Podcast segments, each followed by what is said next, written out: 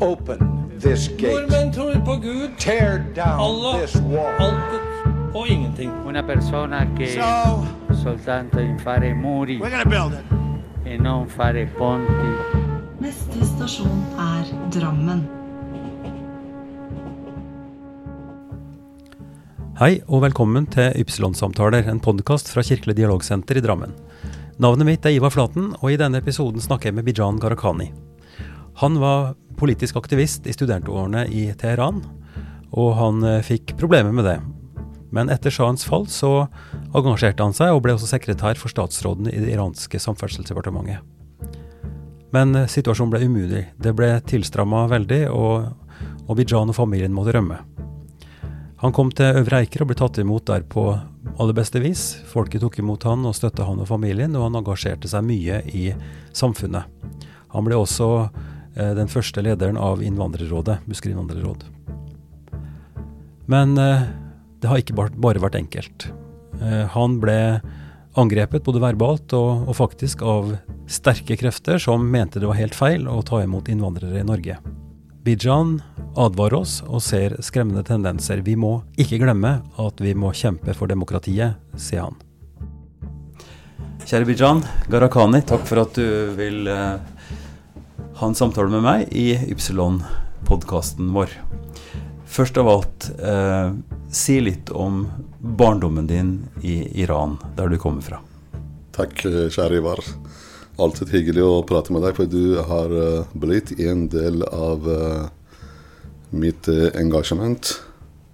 Og jeg er veldig glad i deg, for du er en person som virkelig har gjort veldig mye for eh, det store samfunnet. Og det er trygt å ha deg rundt meg. Det er det som eh, Jeg måtte bare sagt det. Takk skal du ha. Men når det gjelder meg, altså jeg har hatt en eh, bra barndom. Jeg har hatt en veldig flott familie rundt meg. Veldig engasjert og stor familie i Teheran, eh, hovedstaden i Iran. Og, og vi har vært veldig åpne. Og, og foreldrene mine har vært veldig opptatt av respekt. Og jeg tror eh, Jeg husker når jeg var eh, faktisk eh, seks, sju, åtte år gammel, og bestefar var faktisk sjefen for eh, i Abadan, som er den største oljeraffineriet i Iran. Og, og den gangen han eh, hadde masse, masse venner fra alle forskjellige land, til og med masse eh, fra England og også de andre som eh, han, vant, han, var vant til å treffe mennesker og glad i mennesker. Og jeg husker at når jeg var barn, og Iran faktisk det var fredager som var fri. Mm, ja, Det er eh, motsatt i Norge. ikke sant? Det er fredager som Ja. er en eh, helligdag nettopp. og, og Fri han pleide også å invitere en del av sine venner som jobber sammen med han. Eh, og da var det sånn, og jeg husker at når de skulle komme og spise sammen med oss, så vi måtte bare kle veldig fint. Pynte dere, rett og slett? Pynte oss, faktisk, fordi vi skulle ha gjester fra eh, kollegene til bestefar. bestefar. Og selv om vi kunne ikke snakke engelsk heller, så, så vi bare lekte med barna deres, da. Og, og, vi bare venta. eh, vi venta at eh, Og bestefar lærte oss at når de kommer, vi skal hilse veldig pent. og vi skal vente at det er de som skal spise først. og det er den respekten jeg har lært. Og, og den gangen eh, Vi er en muslimsk familie, men vi hadde veldig god kontakt med andre. Og jeg aldri tenkte at uh, han engelskmannen som er lysere enn meg og snakker helt annet språk Jeg tenkte ikke på det. Jeg tenkte nå er jeg venn av uh, bestefar. Og vi lekte som Vi aldri spurte at hvor du kommer fra. Hvilken land er du fra? Hvilken religion er det? Så vi ble venner faktisk da på en måte. Så, så jeg har oppvokst på en eh, familie som var opptatt mer av mennesker. Og også selvfølgelig Han var veldig opptatt at eh, jeg skulle uh, gå på skole. Og skole var på en måte obligatorisk. Eh, og det var veldig høy prioritert. eh, hva jeg gjør, men jeg må være flink på skole. Eh, si litt om familien din. Hadde du søsken? Har du søsken? Ja, jeg har en uh, søster som fortsatt bor i Iran. Altså vi var uh, fire brødre, eh, som eh, en bor i Danmark, og så er det to av brødrene mine som bodde litt i Danmark og USA. Så de er døde nå. Ja, ok. Så, så jeg har, og pappa er død, og, og jeg har bare eh, mamma som er rundt eh, ja, 80 år gammel, som bor i Iran med søstera mi. Og hun har det bra, men ellers meste av familien min bor i Los Angeles. Onkel og tante og også eh, ja, alle disse bor, og hver gang jeg savner dem, så, så jeg tar en tur til Los Angeles. Ja. Det skjedde jo dramatiske ting som er grunnen til at, at du og familien din måtte reise. Men før vi snakker mer om det, kan du si litt om eh, hvordan det var å være litt Du snakket om bestefaren din og besøket han fikk av kolleger fra, fra sin jobb. Men hvordan var nabolaget? Hvordan var det å, å, å vokse opp i det nabolaget du var? Nei, men det er som sagt at jeg har opplevd både shahen som en eh, vestlig mann og åpen mann, og så er det som sagt vi, det var veldig mange engelskmenn og amerikanske, og så veldig mange som jobber i Iran.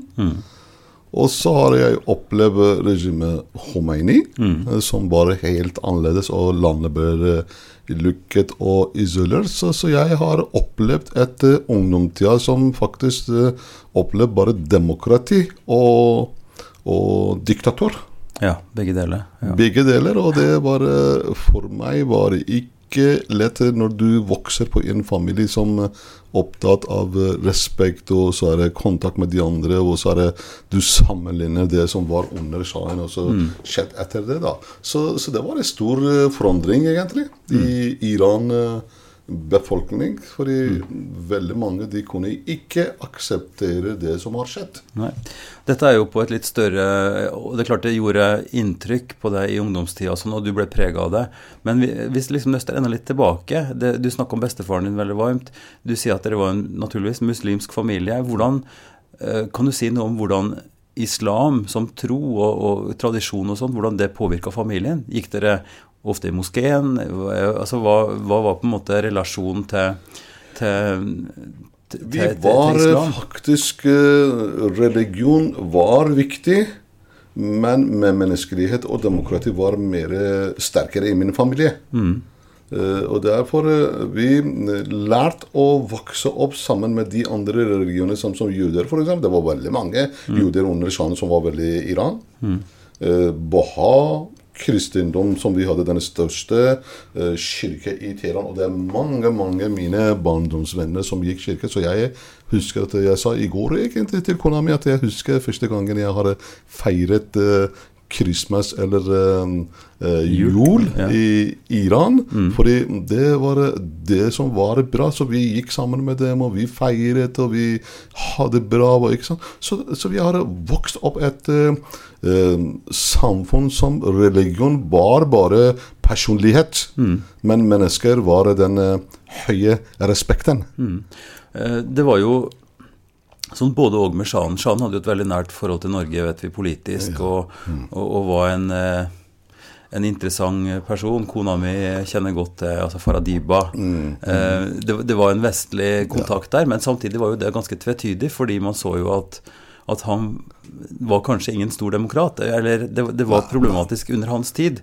Og, og du hadde også en, eh, en tanke rundt det, eller hvordan var det å leve opp Jo, det- og som- skifte på en måte fra sjahen til Ja, det var det som egentlig var opprøret eh, når jeg var rundt 16 år. Eh, Da var det mm, eh, veldig Hvilket år snakker vi om da? Det er snakk om fem, rundt, ja, rundt 50-55 år siden. Og jeg var 16 år gammel.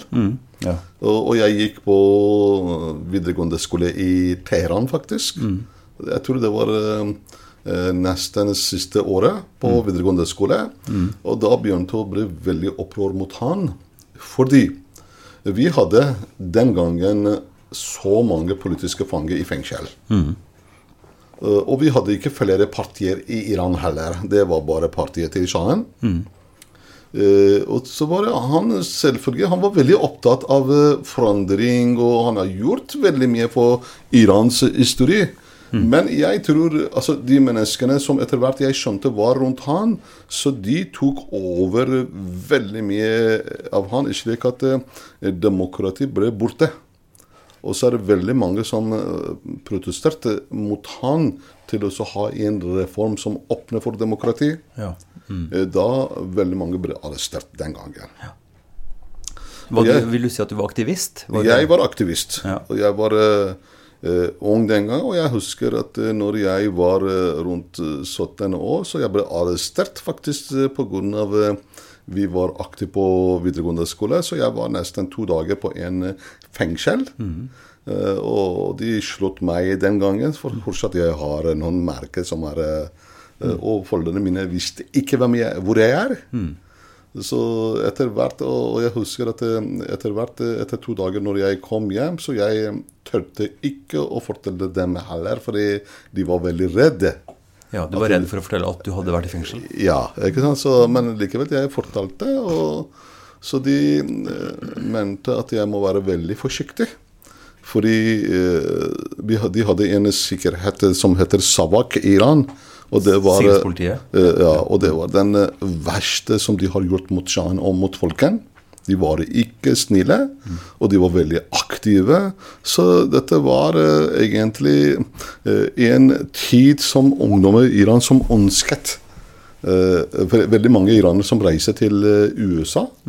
Og, og per i dag det er jeg tror det er over 3-4 millioner som bor bare på, i Los Angeles. Og mest familien vår der borte. Så vi ønsket, jeg ønsket at jeg skulle bare gå på um, universitetet i Teheran, og ikke bare til uh, andre land. Og vokse opp mitt land, da. Men det var ikke mulighet. Det var uh, vanskelig. Uh, og da var også demokratien ble veldig vanskelig i tillegg. Og det var flere som ble tatt av mine venner på skole og rundt omkring. Så det, dette skapte kaos i Iran. Og jeg tror eh, det som har skjedd da Vi egentlig ungdommer den gangen vi var opptatt av demokratien. Vi ville gjerne mer demokrati. Men den gikk ut av kontroll. Også på andre sida, Khomeini flytter fra Irak, som bodde i Irak. Så flytter til eh, Paris. Sant? Og da han kom med veldig store, fine ord. Og, og, og, og så var det litt problem, egentlig. Han var i konflikt med vestlige verden i forhold til olje-OPEC i tillegg òg. Fordi han ville at eh, OPEC skulle eh, Prisene skal gå opp. Og så da var det veldig mange som ikke er enig med han. Så det ble litt eh, opprør i uh, vestlige verden mot han, fordi uh, olje var viktig. Men samtidig, jeg tror han var i kamp mot vestlig verden, fordi Iran eh, trengte penger, og olje var viktig. Men eh, også opprør var veldig mye, fordi det var intern inne i Iran. Det er noen som jobbet mot han i tillegg òg. Men eh, tenker du at når, når Khomeini kom tilbake, så, så var det et håp i den iranske befolkningen om at han skulle bidra også til demokratisering, og at det skulle bli et, et, et bedre system? Ja, det var det som egentlig han sa det. ikke sant? Og så er det sjahen faktisk var syk, faktisk. Han var syk, og han var veldig kontrollert av eh, de sikkerhetene. Og så er det veldig mange dårlige mennesker som satt rundt han. Mm. og de eh, faktisk drepte ganske mange i demonstrasjoner. ikke sant? Det skapte kaos i Iran. Så han mistet tillit. Eh, Men samtidig, han har gjort en stor jobb. sant? Hadde han gjort den jobben, og det, men han hadde ikke noe valg, for han var syk. Eh, oljepengene, det trengte han. Prøvde også selvstendiggjøre Iran på en måte. Så han har kjempet. Men samtidig, på andre sida, Khomeini kom med veldig fine ord. At hvis han kommer, han skal gi gratis uh, bos, gratis uh, Mange ting skulle bli gratis i han egentlig, fordi vi hadde så mye olje, og det var ikke nødvendig at alt skal til. Og så var det ikke nødvendig at folk skal reise til andre land og studere. Så det var noen budskap som vi ungdommer tok imot. Ja. Men hvordan snudde det seg? For dette ble jo fort veldig dramatisk og førte til store forandringer for, ditt eget, for din egen del. Ja. Og så tenker vi ungdommer, så vi hadde store ambisjoner. Vi som eh, hadde store ønsker til et godt samfunn. Og vi som har opplevd sjahen shahen med frihet i forhold til religion. Og så vi gikk, eh, også damene var ikke noe hijab, og du kunne bruke hijab, og du kunne bruke eh, eh, ikke hijab. Så altså, det var ikke noe uh, vanskeligheter den gangen. Men uh, når eh, alt ble akkurat som ble alt, da, og tente på hele det revolusjonen som jeg kaller den eh, katastrofen. Mm.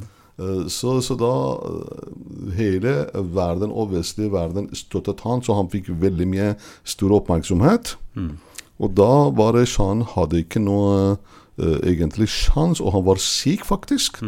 Han eh, reiste til eh, Egypt. Eh, og, og da Khomeini kom, og så etterpå han fikk press reise til Panama, så vi, uh, de ville ikke beholde han i Egypt heller. Så deretter han reiste til USA, og så der eh, han tilbake til Panama. Han døde pga. kreft. da. Uh, men da Khomeini kom på makta, og vi trodde at nå alt skal bli bra, men du vet at dette var ekstreme ekstreme religiøse som uh, visste ikke ansikt i første omgang.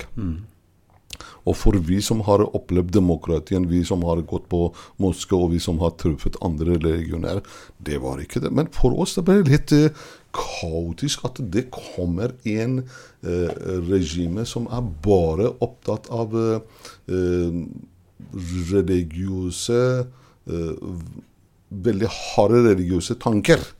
At, eh, eh, og og det, det var ikke sånn vi tenkte. Så det ble eh, fort Det ble veldig Hvor, hvor fort kom den erkjennelsen? Altså, Nei, den kom etter kom et det- år, fordi de fikk en president som heter Bani Sadr. Det var president i Iran, og han var faktisk en av de som har vokst opp i, i Paris, faktisk. Og han var økonom.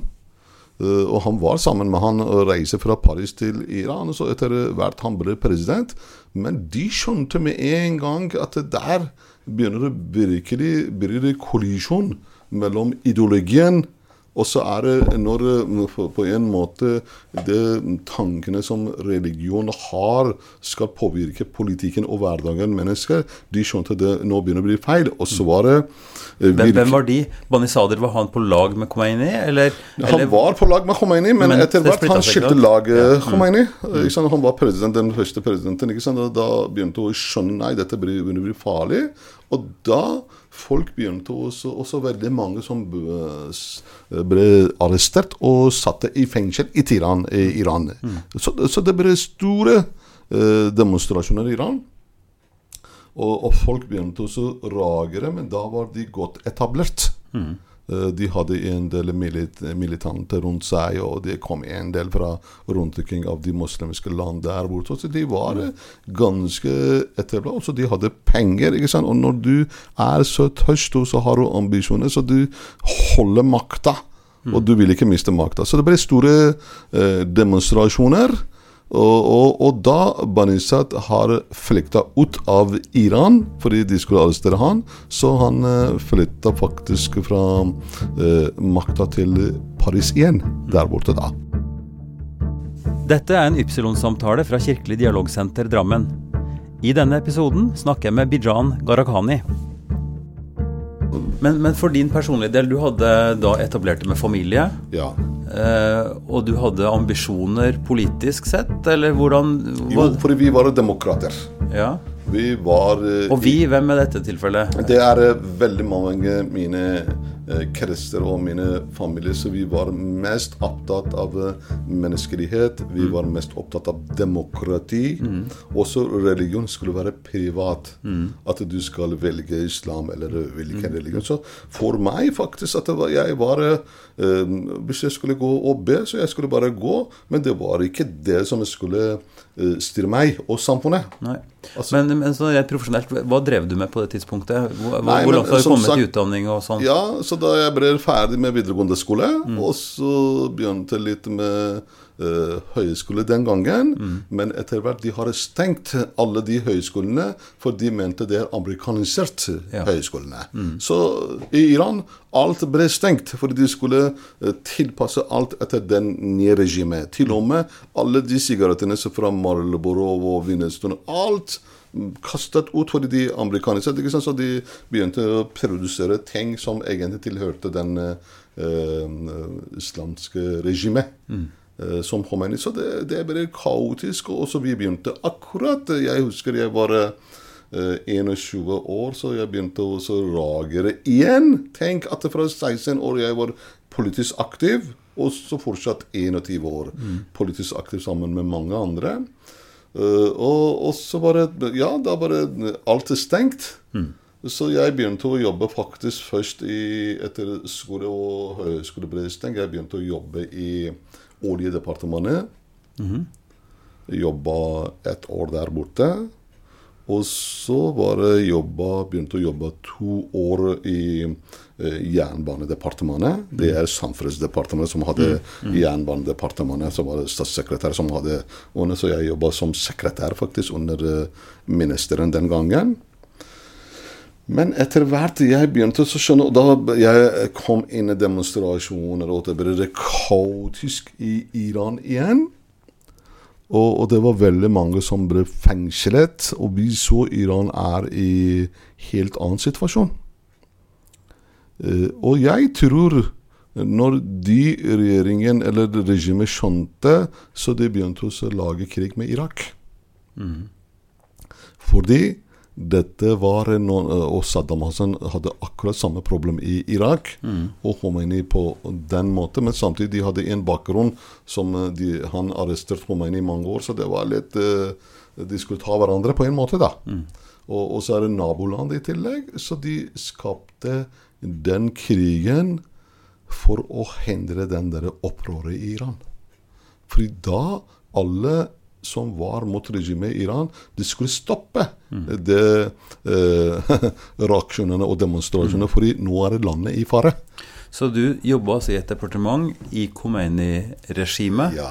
eh, i noen år, og du så også nærma det seg krigen der. Hva, hva skjedde da? Hva var bakgrunnen for at dere flytta til Norge? Hvordan, si litt om det. Nei, altså da jeg tenkte Jeg tenkte altså veldig mange av eh, mine venner som ble drept under krigen. Og krigen var, var faktisk en av de verste, for jeg var i begynnelsen av krigen mellom Iran og Irak. Jeg så det veldig mange av mine venner ble drept, og så var det en uh, forferdelig krig, for da begynte å skyte med raketter til hovedstadene. Og så jeg gifte meg Jeg var nesten eh, to- 23 år og ung, og så vi fikk barn den gangen. Og da var det sånn at om natta vi måtte bare komme ut av husene fordi det ble alarm. ikke sant? Og da ble det sendt raketter og fly. Så dette ble et liv som du hadde ikke noe sjanse til å sove om natta. Og ikke noen reaksjon på dagen mot regjeringen heller. ikke sant? Så det, de visste hva de gjør. Og de, er, de var opptatt av bare krige også, samtidig som kriget mot eh, eh, regimet i Irak. Men begynte så å opprydde mot alle de som var mot dem i intern. Enten de ble fengslet, eller de ble hengt i offentlige gata, fordi nå er vi i krig. ikke sant? Så da var det ikke noe sjanse. Og, og jeg var den personen som jeg var mot krig. Og hvorfor jeg skal krige mot mine naboer? Hva er det grunn? Hvorfor jeg skal gå Så jeg nekta, og så jeg sa nei, jeg vil ikke. Og det var eh, store reaksjoner på en måte, for jeg sa nei, jeg aksepterer ikke. Og samtidig, jeg kunne ikke akseptere at eh, folk blir fengslet internt, for vi visste dette er en politisk på høy nivå, og de begynner å opprydde befolkningen, både eh, krig og så internt. Så det, jeg tenkte nei. Det er eh, dumt, fordi vi hadde ikke noe sjanse, egentlig. Jeg hadde ikke noe sjanse, og jeg så mange av mine venner ble fengslet og død. Og da tenkte jeg nå hvis jeg Så, skal så du rømte, rett og slett? ja, for jeg tenkte at eh, Og så hadde en barn ikke sånn, nesten tre-fire år gammel. da, Og så stakkars han eh, Jeg tenkte på hans fremtid, og jeg tenkte Jeg som en ungdom som kjempet fra 16 år, og fortsatt er eh, 23 år, og fortsatt jeg må kjempe, og jeg vet ikke hva skjer med min eh, skjebne i morgen. Så da tenkte jeg nei, jeg skal ikke uh, gjøre akkurat som jeg har gjort, og fortsette å kjempe og kjempe, fordi det blir ikke noe uh, det blir ikke noe resultat av dette her. Og så er det, jeg var redd at det, akkurat som så mange andre, så de blir drept, og da familien sitter igjen med ikke noe far. Så jeg har valgt faktisk å flytte ut av Iran. Og Hvordan var omstendighetene rundt det? Det? Du sier å flytte. Kunne du bare ta en flybillett og reise? Nei, nei, nei, nei, det var ikke det. Si litt om det, hvordan det var. Det var ganske hardt, og, og jeg vet veldig mange iranere som de eh, faktisk kunne ikke reise heller. Eh, og det var eh, veldig mange stakkars som ble arrestert på grensene fordi de flytta, og de betalte på smuglerne for å flytte ut. Og, så er det eh, stakkars veldig mange som ble drept under grensene mellom Tyrkia og Iran, For det var veldig kaldt. Men Men det- hvordan klarte du det? Hvordan gikk det? Nei jeg eh, hadde noen venner som hjelper meg. Eh, og så hjelper meg, og så kom til faktisk den gangen til Istanbul den gangen. Og og så hadde jeg en eh, ugyldig pass i tillegg. Den passet mitt var ikke helt gyldig heller. Nei. Så vi var ikke så trygge i Tyrkia heller. Og, og, og så er det Jeg var litt redd når vi heldigvis etter en lang reise om natta som vi kom til eh, Tyrkia. Og det er, jeg tror det er snart 34 år siden. Så, så når vi kom i, i Tyrkia, så vi hadde ikke noe gyldig pass heller i Tyrkia. Og det var eh, vanskelig, fordi eh, vi ble eh, kontrollert hele tida i Tyrkia den gangen. Så det, det var veldig vanskelig. Og så er det vanskelig, og så venter og venter og venter og venter. og så venter, ikke sant? Så, Men heldigvis vi kom til Norge i, etter fire-fem måneder med fly. Og så var det, var det 87, så da vi landet til eh, Norge. Og så bare fortelle litt, da. Og når jeg begynte å vurdere å flytte av Iran, det var ikke en lett avgjørelse heller. Fordi jeg tenkte jeg er heldig, jeg har mor og far, og jeg har en stor familie. Og jeg har et land som jeg er veldig glad i. Og så tenkte jeg at, og jeg visste at veldig mange som flytta ut. Men jeg bare eh, tenkte nei, dette går ikke. Altså jeg måtte bare ta et uh, avgjørelse i forhold til barnet mitt og redde. Så jeg var veldig rolig i mange dager og merket mamma og pappa at jeg er veldig rolig. og så, så fordi jeg var veldig glad i begge to og familien min, da. Men likevel, jeg tok den avgjørelsen fordi jeg måtte bare redde familien min. Og det er sånn når man blir stor stor og selvstendig, så en dag må ta ansvar for ja. den neste generasjonen.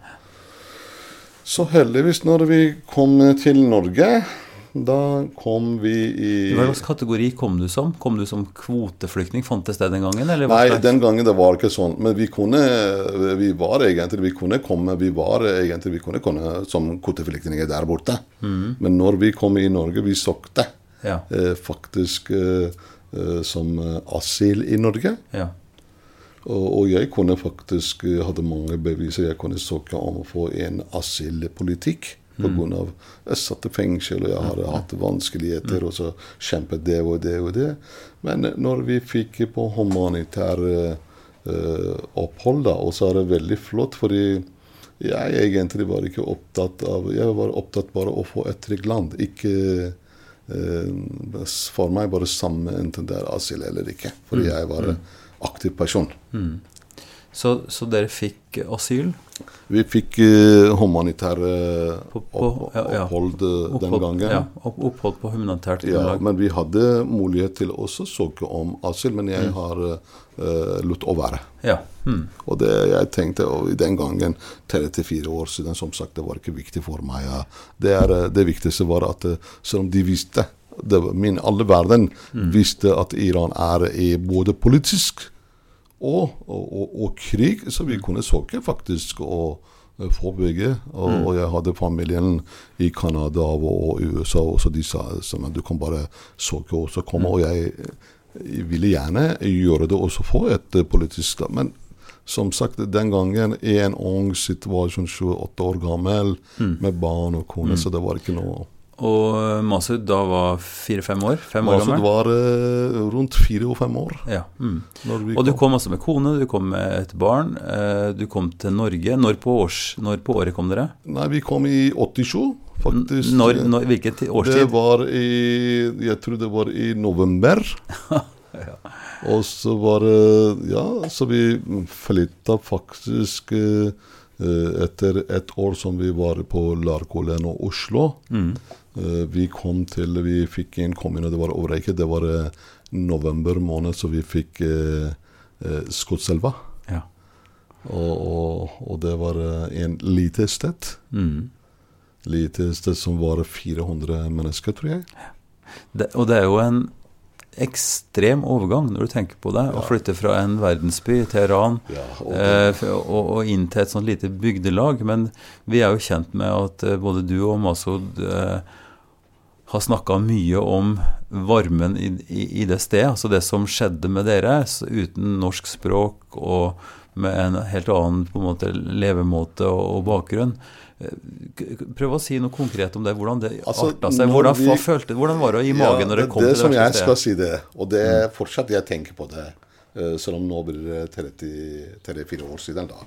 Altså, når vi kom i november i Østkoselva, det var veldig kaldt. Det var mørk. Ikke sant? Og så selvfølgelig vi var veldig unge. Og så vi tenkte det er litt vanskelig å tilpasse den kuldegrader og så mørkegrad, så er det ikke noe mye folk. Og når du kommer fra en stort hovedstaden med 12 millioner kanskje den gangen, og så kommer et sted med 400-500 mennesker, det var en stor overgang. Kjempeovergang. Uh, Og så er det selvfølgelig den varmegrader, og og så er det du kan ikke norsk heller. og så Du har egentlig stor, uh, stor oppfordring til å tilpasse deg et nytt samfunn òg. Men uh, akkurat som jeg sier at vi var heldige at den gangen, da At vi hadde en veldig god nabo. Faktisk jeg ble god nabo med Pia Aaberg. Jeg husker henne. Uh, stakkars fantastisk dame. Fantastisk dame. Og hver gang jeg begynner å snakke med henne fordi Hun ble en uh, virkelig mor. Og jeg tenker at eh, 28 år gammel, ikke noe far og ikke noe mor. Og så du er, og, altså jeg var en kjernefamilie som familien min hele tida rundt meg. da. Så hun fikk virkelig hjertet vårt med en gang, fordi hun begynte å ta vare på oss hun begynte å Ja, vi, vi uh, begynte å handle veldig mye sammen. Og jeg husker stakkars mannen hennes eh, var veldig syk. Eh, Så jeg begynte også faktisk som en god sønn som begynte å gjøre veldig mye. Så vi ble veldig god familie. Hva, hva hjalp du til med? Hva var det du kunne hjelpe Nei, til jeg kjørte hele tida til sykehuset fordi Leif var veldig syk. Og var alvorlig syk, stakkars. Så hun trengte hjelp. Mm -hmm. Så jeg begynte å hjelpe veldig mye, som en virkelig sånn. Og så begynte å rydde litt og hjelpe henne. Og, og hun begynte å gjøre akkurat det samme. Og, så på jul har hun invitert det er første gang jeg ble invitert. Fordi jeg sa til kona mi vi har feiret Christmas eller jul i Iran, men ikke på den måten som Norge. Nei. Ikke på å gå på rundt julebord og spise mat. Vi var invitert hos noen venner, men ikke på kirke. De var kristne, og så vi feiret og vi koste oss. Men her har vært en stor tradisjon. At du måtte bare sette i eh, ikke sant, juletre, og så gavene rundt, og så god middag. Det er mye glede, mye fellesskap, egentlig. Og det er jeg helt enig med min kjære Masud, at eh, jul handler veldig mye om fellesskap og omsorg, egentlig. Ja. Og det, det, Og det- det, er nettopp hun Pia har gjort mot Ja, oss. og det var det dere fikk oppleve, da. Dere ble Ja. tatt imot, dere ble sett og fikk den eh, invitasjonen på en måte, den involveringa, da. Døråpning. En snakker jo om integrering, at noen skal integrere seg, men dere ble jo tatt imot. Ja, ble tatt imot med sterke ønsker. Mm. Hun egentlig tenkte ikke at jeg kommer fra Iran. og Hun tenkte, hun tenkte at vi er barn og unge ikke sant, på 28 år, og kona mi 24 år, og som var 4-5 år. og så. Tok vare oss som en del naturlig del av seg selv. Mm. Og jeg tror vi gikk naturlig en del av hennes eh, eh, hjerte. Så vi ble veldig gode venner, og vi spiste god mat, og vi fikk gaver også. Og så var det bra. Vi begynte også å snakke norsk sammen. Fordi den gangen Jeg husker vi hadde bare Uh, Jeg tror det var bare to ganger om kvelden vi hadde norskkurs, og det var på Skåselv skole. Det var fra klokka fem til klokka sju.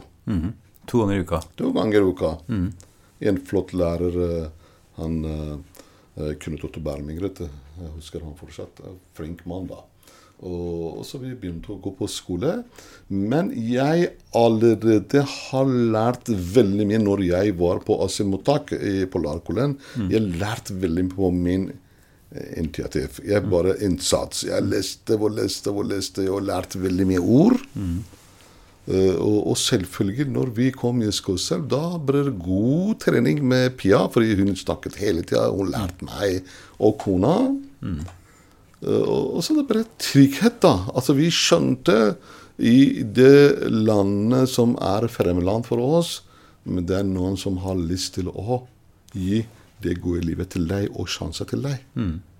Så dere, dere ble, fikk den varmen og fikk den hjelpa fra Pia og andre. Så er det jo øh, godt kjent at du har engasjert deg mye i, i lokalsamfunnet. Kan du si noe om den overgangen fra å være helt ny og måtte altså, famle litt med språk, og, og kanskje det var de næreste naboene som var de mest eh, viktige.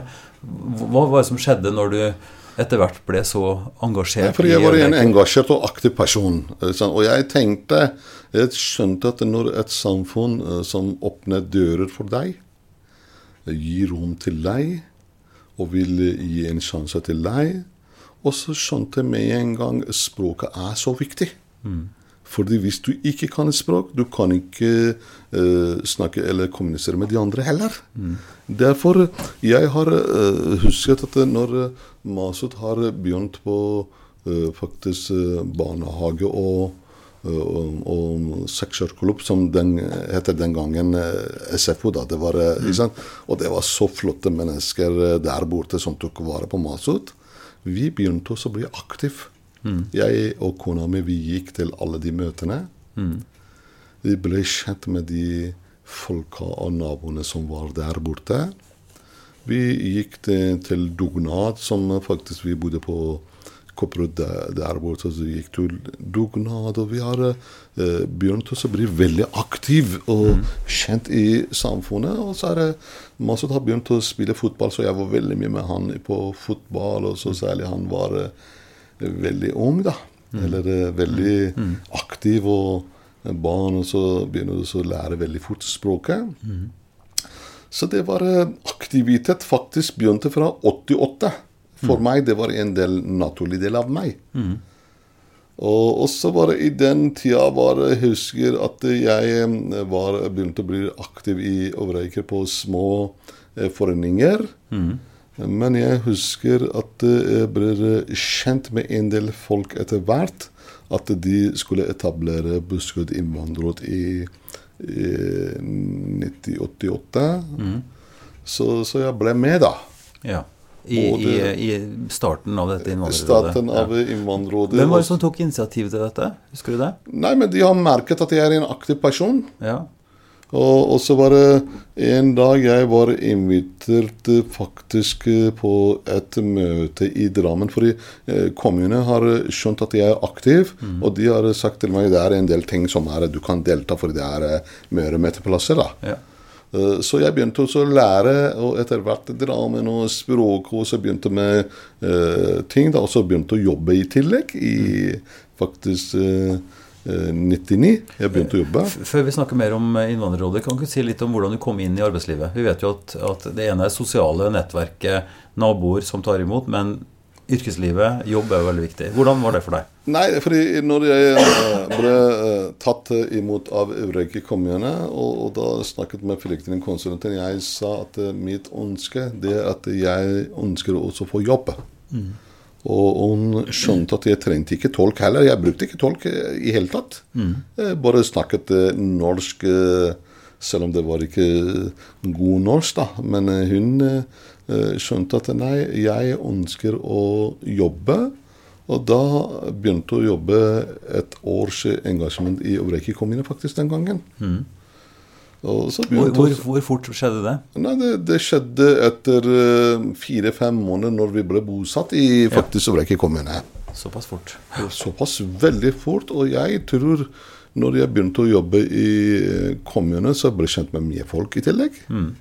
Og de skjønte at jeg er en person som er aktiv og engasjert. Og jeg hadde bok med meg, så hele tiden spurte folk hva er dette her, hva er dette her. Så jeg lærte språket så fort at folk har merket at jeg har lyst å bidra. Og så i tillegg jeg har begynt å bli veldig engasjert i lokalsamfunnet, i alt som har skjedd.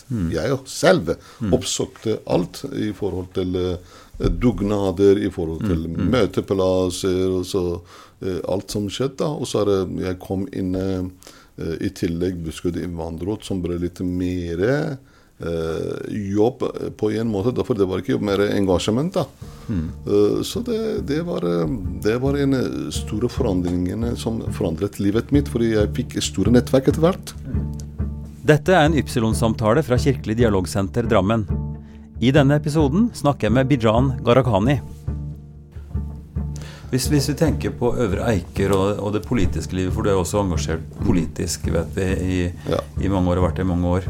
Um, en hendelse som som jeg vet, og en, en, en mobilisering som er interessant, og som folk sikkert husker. altså det Øvre Eiker viser ansikt. Med Svein Ludvig Larsen og, og Buttedal og, og flere andre. Si litt om, om det, for du har jo ikke, det har ikke bare vært en dans på roser. Du har opplevd også motstand. Det er ikke alle naboer, ikke alle som har oppfatta at det har vært hyggelig å ha eh, innvandrernaboer. Men du vet at eh, jeg eh, begynte å jobbe i eh, 97. Jeg begynte å jobbe på ungdomsklubben i Vestfossen. Ja, Så sent som 97. Og I tillegg til jobben min. Ja. Fordi jeg husker jeg hadde en veldig flott rådmann, han er Jostein Barstad, som var rådmann.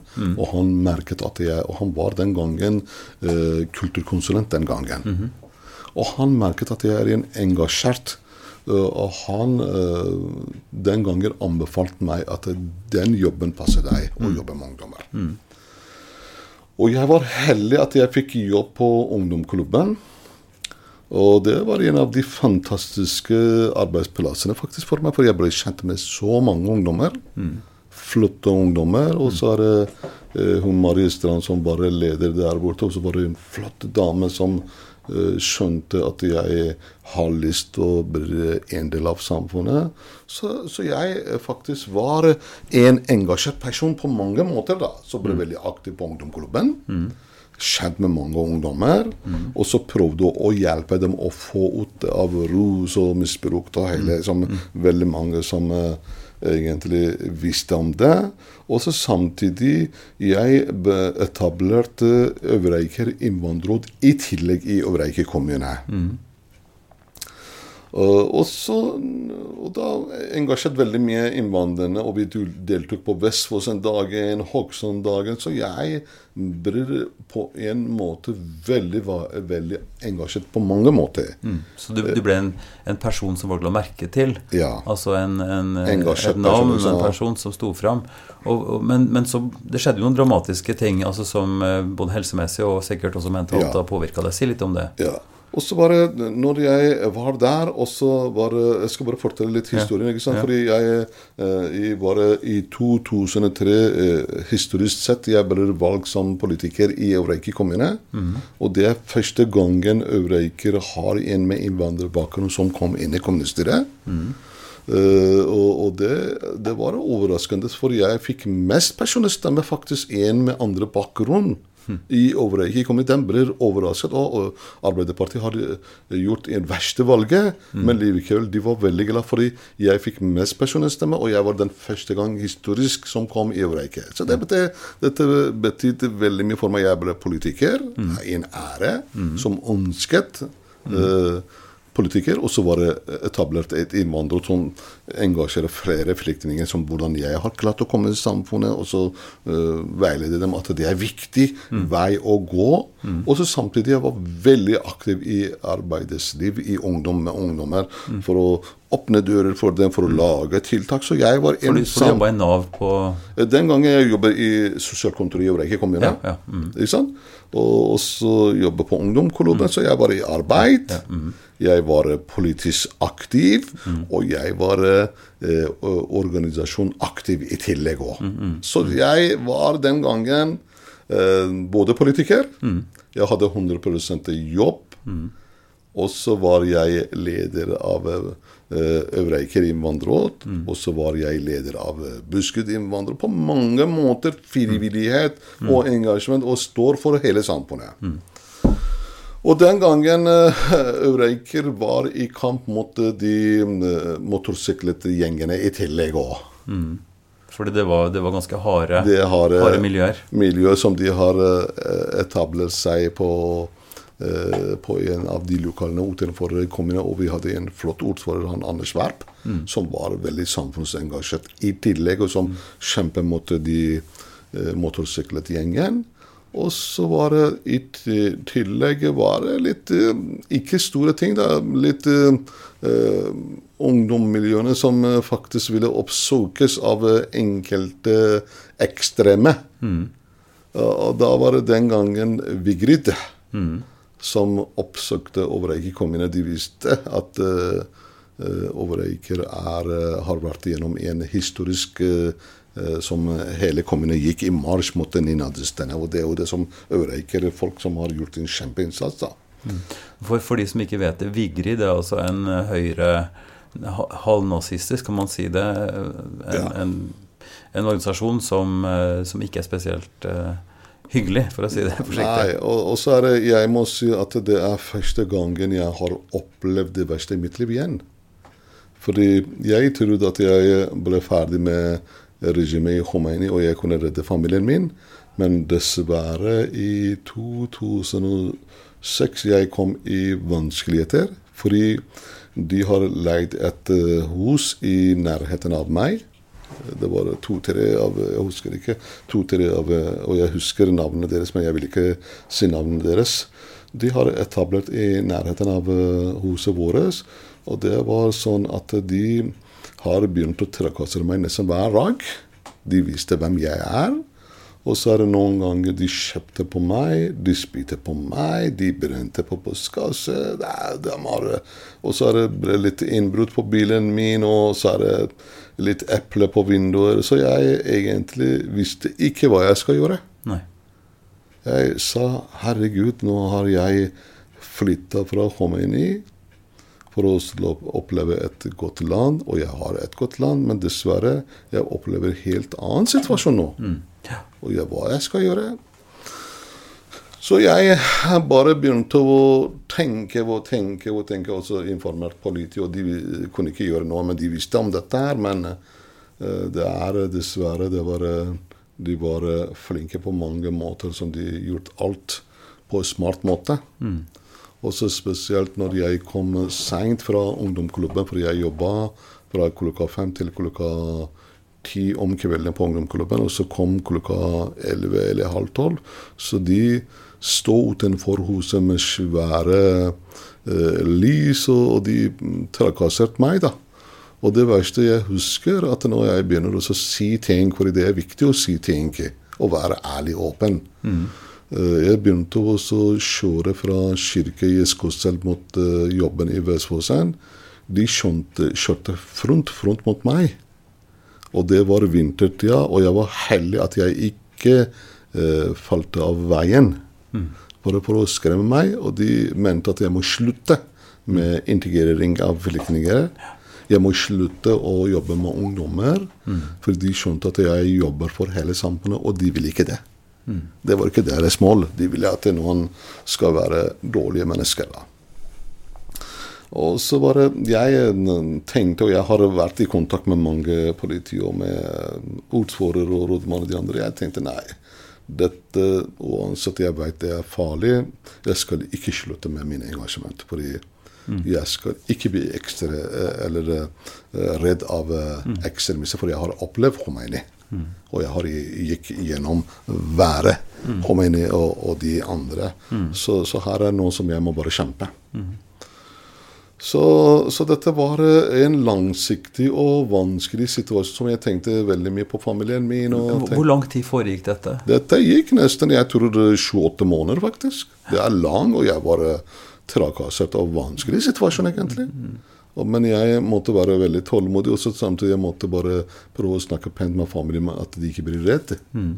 Men eh, de visste at jeg er engasjert menneske, og jeg har lyst å være en del av samfunnet. Ja. Jeg Men hvordan, hvordan utvikla det seg videre? For dette ble en personlig, en direkte konfrontasjon også? Ja, og så husker jeg husker en dag jeg kom på banken med en eh, brukere. Og da kom eh, han eh, og pluss eh, Det var to da, svære karer inne i banken. Uniformert. Nazistisk uniformert. Kom inn i banken. Og så da han eh, kom i nærheten, og så fortalte eh, hun andre Jo, det er han eh, Dilseken Bijan som er leder av Buskerud-innvandrere, som er politiker, og det er han som står for integrering og jobber. Og så begynte hun å spytte på meg på banken. Og da skjønte jeg at de eh, egentlig er eh, ikke i stand. Og da tenkte jeg, ifølge banken, de mente at jeg var så behersket rolig, og det var første gangen. Jeg kom sakte, sakte på hjørnet, slik at eh, hvis folk var redd at de kunne komme ut av banken, og de bare marsjerte mot meg og spyttet på meg, og så har de gjort mot meg da, veldig mye. Og heldigvis, etter fem-seks minutter, de uh, varslet politiet, og politiet kom og tok dem.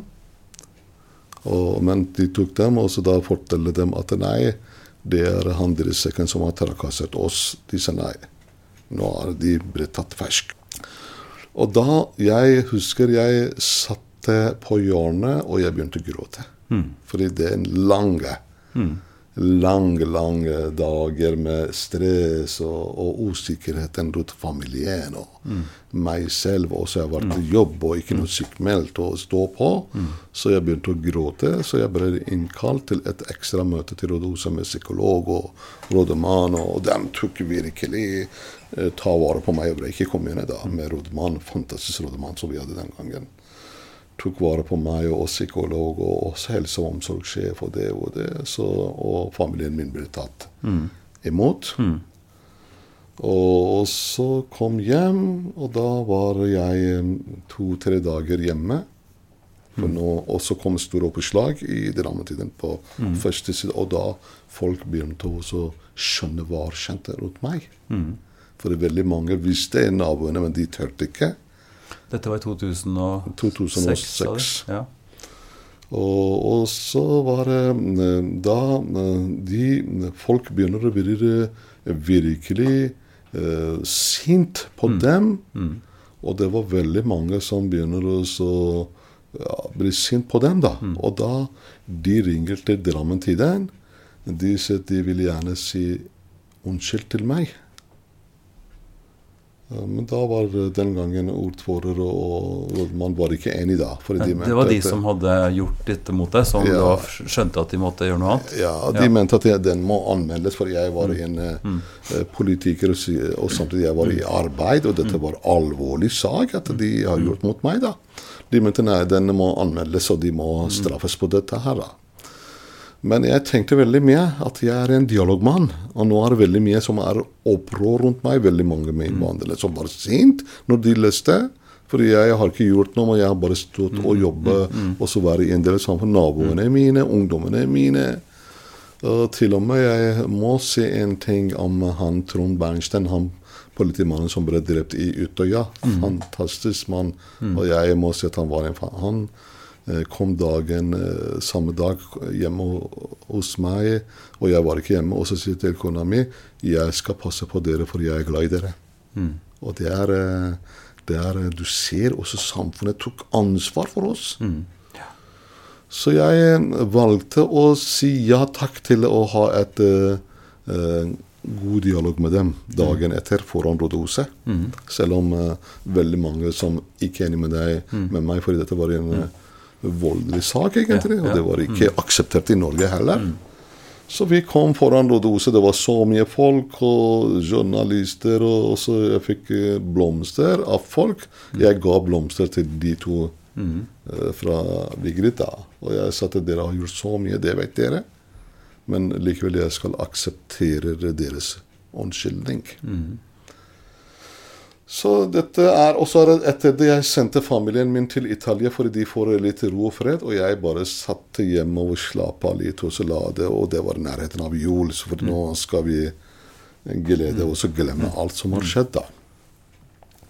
Så, så da var det det som skjedde, og så familien kom tilbake, og vi feiret jul, og det er, og det er sånn, fordi den gangen Mona var sjefen julesjefen, fordi hun pleide å så pynte, faktisk. Og det var eh, hvert nyttår så bidde på så mange som lagde Det var eh, sjefen som lagde og pynte, og så vi feiret jul. Så det var veldig flott, da. Så kom jeg en dag eh, tilbake etter nyttår på jobb, og så gledet meg en av seg, nå er alt her i orden. Så, og så bare telefonen ringte etter uh, noen minutter, og da var sjefen min sa der noen gråter. Og jeg måtte bare ta telefonen. Det var kona mi.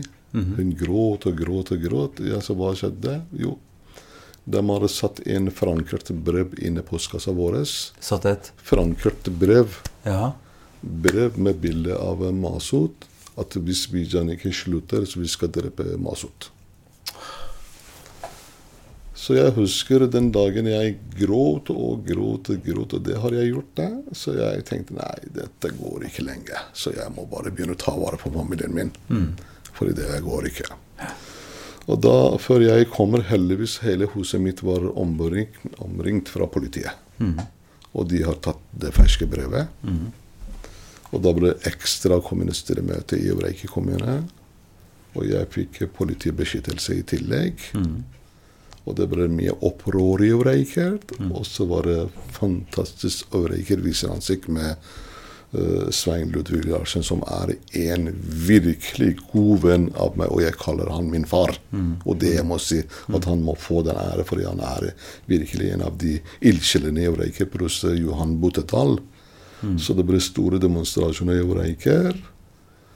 Så, så fikk veldig mye støtte, da. Så, og heldigvis eh, hele gjengen flyttet ut av Breiker.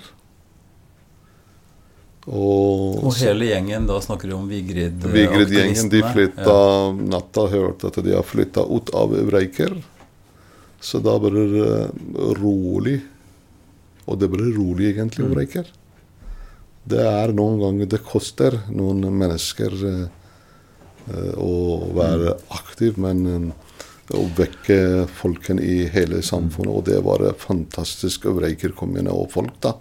Som Men dette er jo en, eh, en, både en dramatisk og en, en vakker historie på en gang. Ja. Fordi med de personlige kostnadene og, og den eh, angsten og det som, som faktisk skjedde rundt deg og dere, eh, innebærer jo ganske mye kostnader og, stress og vanskeligheter. Samtidig så gir det en respons. Og jeg tenker jo eh, Når vi møttes første gang, så var det i, i februar 2006. Mm. Så det var jo i den samme tida omtrent, med eh, karikaturtegningene av Mohammed. Og Ja, det det, var, det, det lå an til mye spenning. Ja. Men så husker jeg jo da, eh, når vi møttes, og, og det arbeidet som har skjedd videre, både gjennom gjestebudet, som vi begge har vært engasjert i, eh, som en årlig dialogmarkering, og, og dialogforumet, og flere andre ting, så er jo det også ting som har utvikla seg fordi at en har hatt dramatiske hendelser, og så har folk søkt sammen for å, for å støtte opp om hverandre. Eh, 22. juli er jo også et sånt mm.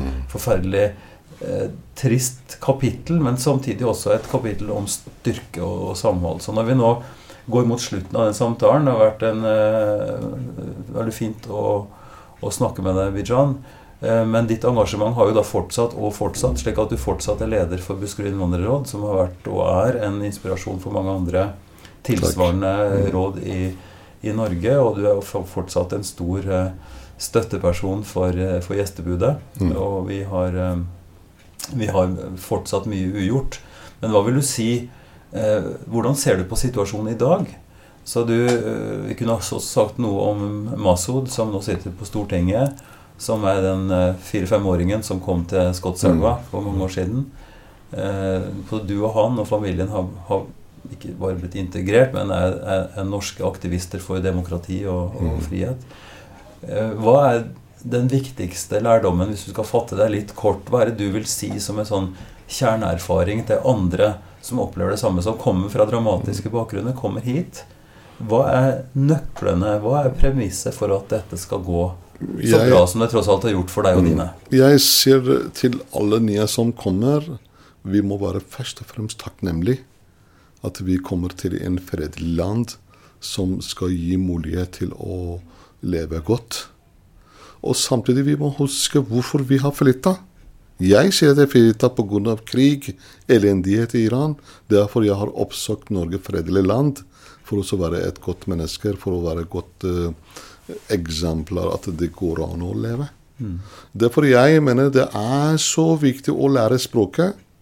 Det er så viktig å oppsøke møteplasser for å skape nettverk. Så blir en del av norske samfunn Det er sånn det norske samfunn er eh, bygd med eh, dugnad og med frivillighet. Og, og så er det veldig viktig å huske at vi som har rømt fra et samfunn som har ødelagt mange liv, nå skal vi prøve å være et godt menneske og så sende signaler at hvordan et land Derfor jeg sier hele tida Tenk, jeg er muslim, men en kristen land som Norge tok imot meg, ga den beste sjanse, slik at eh, barna mine eh, fikk mulighet til å studere. Eh, Nå er Masud er en politiker som jeg er veldig stolt og glad i han, som eh, går og gjør en kjempejobb. Også tilhørighet og eierskap. Det er deres land. Og nå, i dag jeg, Når jeg går i gata i Hokksund, jeg følger ikke meg en utlending. Jeg følger meg en eikebring som jeg blir tatt godt vare på. Og jeg kaller meg en norsk eikeværing med iransk bakgrunn. Og det er viktig eh, eh, bakgrunn som jeg har fått det. Og, jeg sier at eh, Norge er virkelig en bra land. Og vi må huske at eh, ikke bare overlate alt til Ivar Flaten. Ikke Svein Ludvig Larsen. Og jeg, må, jeg er veldig takknemlig av den jobben som du, Ivar, gjorde, og jeg kaller deg min kjære bror. Tenk, jeg er muslim, men du er en kristen, men du er min bror, og det hører du flere ganger.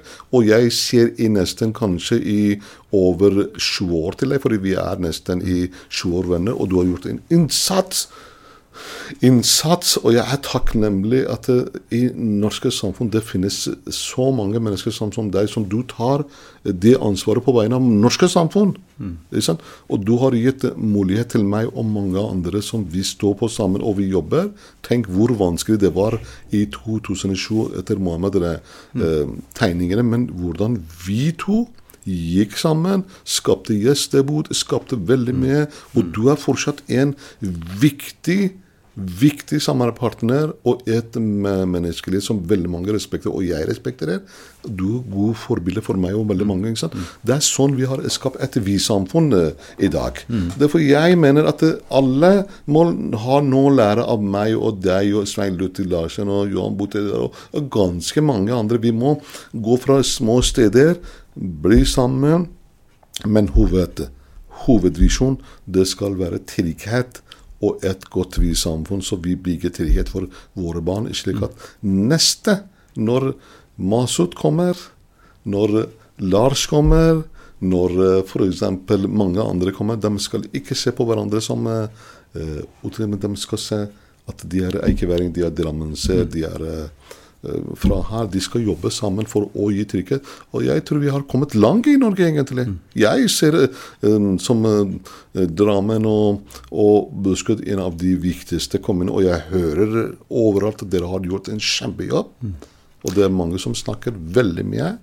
Og det er uh, flott at vi fortsetter, ikke bare Ja, eh, det er en inspirasjon å høre på deg, og det er klart det, det du sier er, kan en få lov til å ta til seg. Samtidig så er jo også eh, klar over at mye av det vi gjør, handler om symboler og bilder, og gir folk eh, et, et, inntrykk av at det faktisk er mulig å få til ting. Mm. Men så er jo eh, Norge og ja, Skotselva og Fjell bydel, hvor vi nå bor hen, avhengig av at, at alle på en måte tenker seg om, og at alle er bevisst at vi er, at vi er i samme båt, at vi er mm. grunnleggende sett eh, i behov av det samme, av det samme tryggheten, av samme rammene rundt oss, og at vi alle kan bidra på hvert vårt vis. Og at vi må forsøke så godt vi kan å støtte opp om de eh, gode eh, mulighetene som fins, som vi er gitt i Norge, som vi får gjennom eh, strukturene våre, gjennom alt det som er organisasjoner og sånt, men at det er enkeltmennesker, tross alt, sånn som du, som, som kan bidra, som gjør ting. Og det må vi vite, og det må vi ta med oss. og, og jeg syns det du forteller og ditt liv eh, så langt, det du har stått i, er en stor inspirasjon. Og jeg takker deg så mye for at du ville dele denne timen med meg. Takk skal du ha, Bijan. Ypsilon-samtaler er en podkast fra Kirkelig dialogsenter Drammen. Du finner mer informasjon om oss og hva vi driver med på kddrammen.no. Hvis du ønsker å høre flere samtaler, søk på Ypsilon-samtaler på din podkast-app, eller gå til våre nettsider. Ypsilon-samtaler er støtta av Drammen kommune og Barne- og familiedepartementet.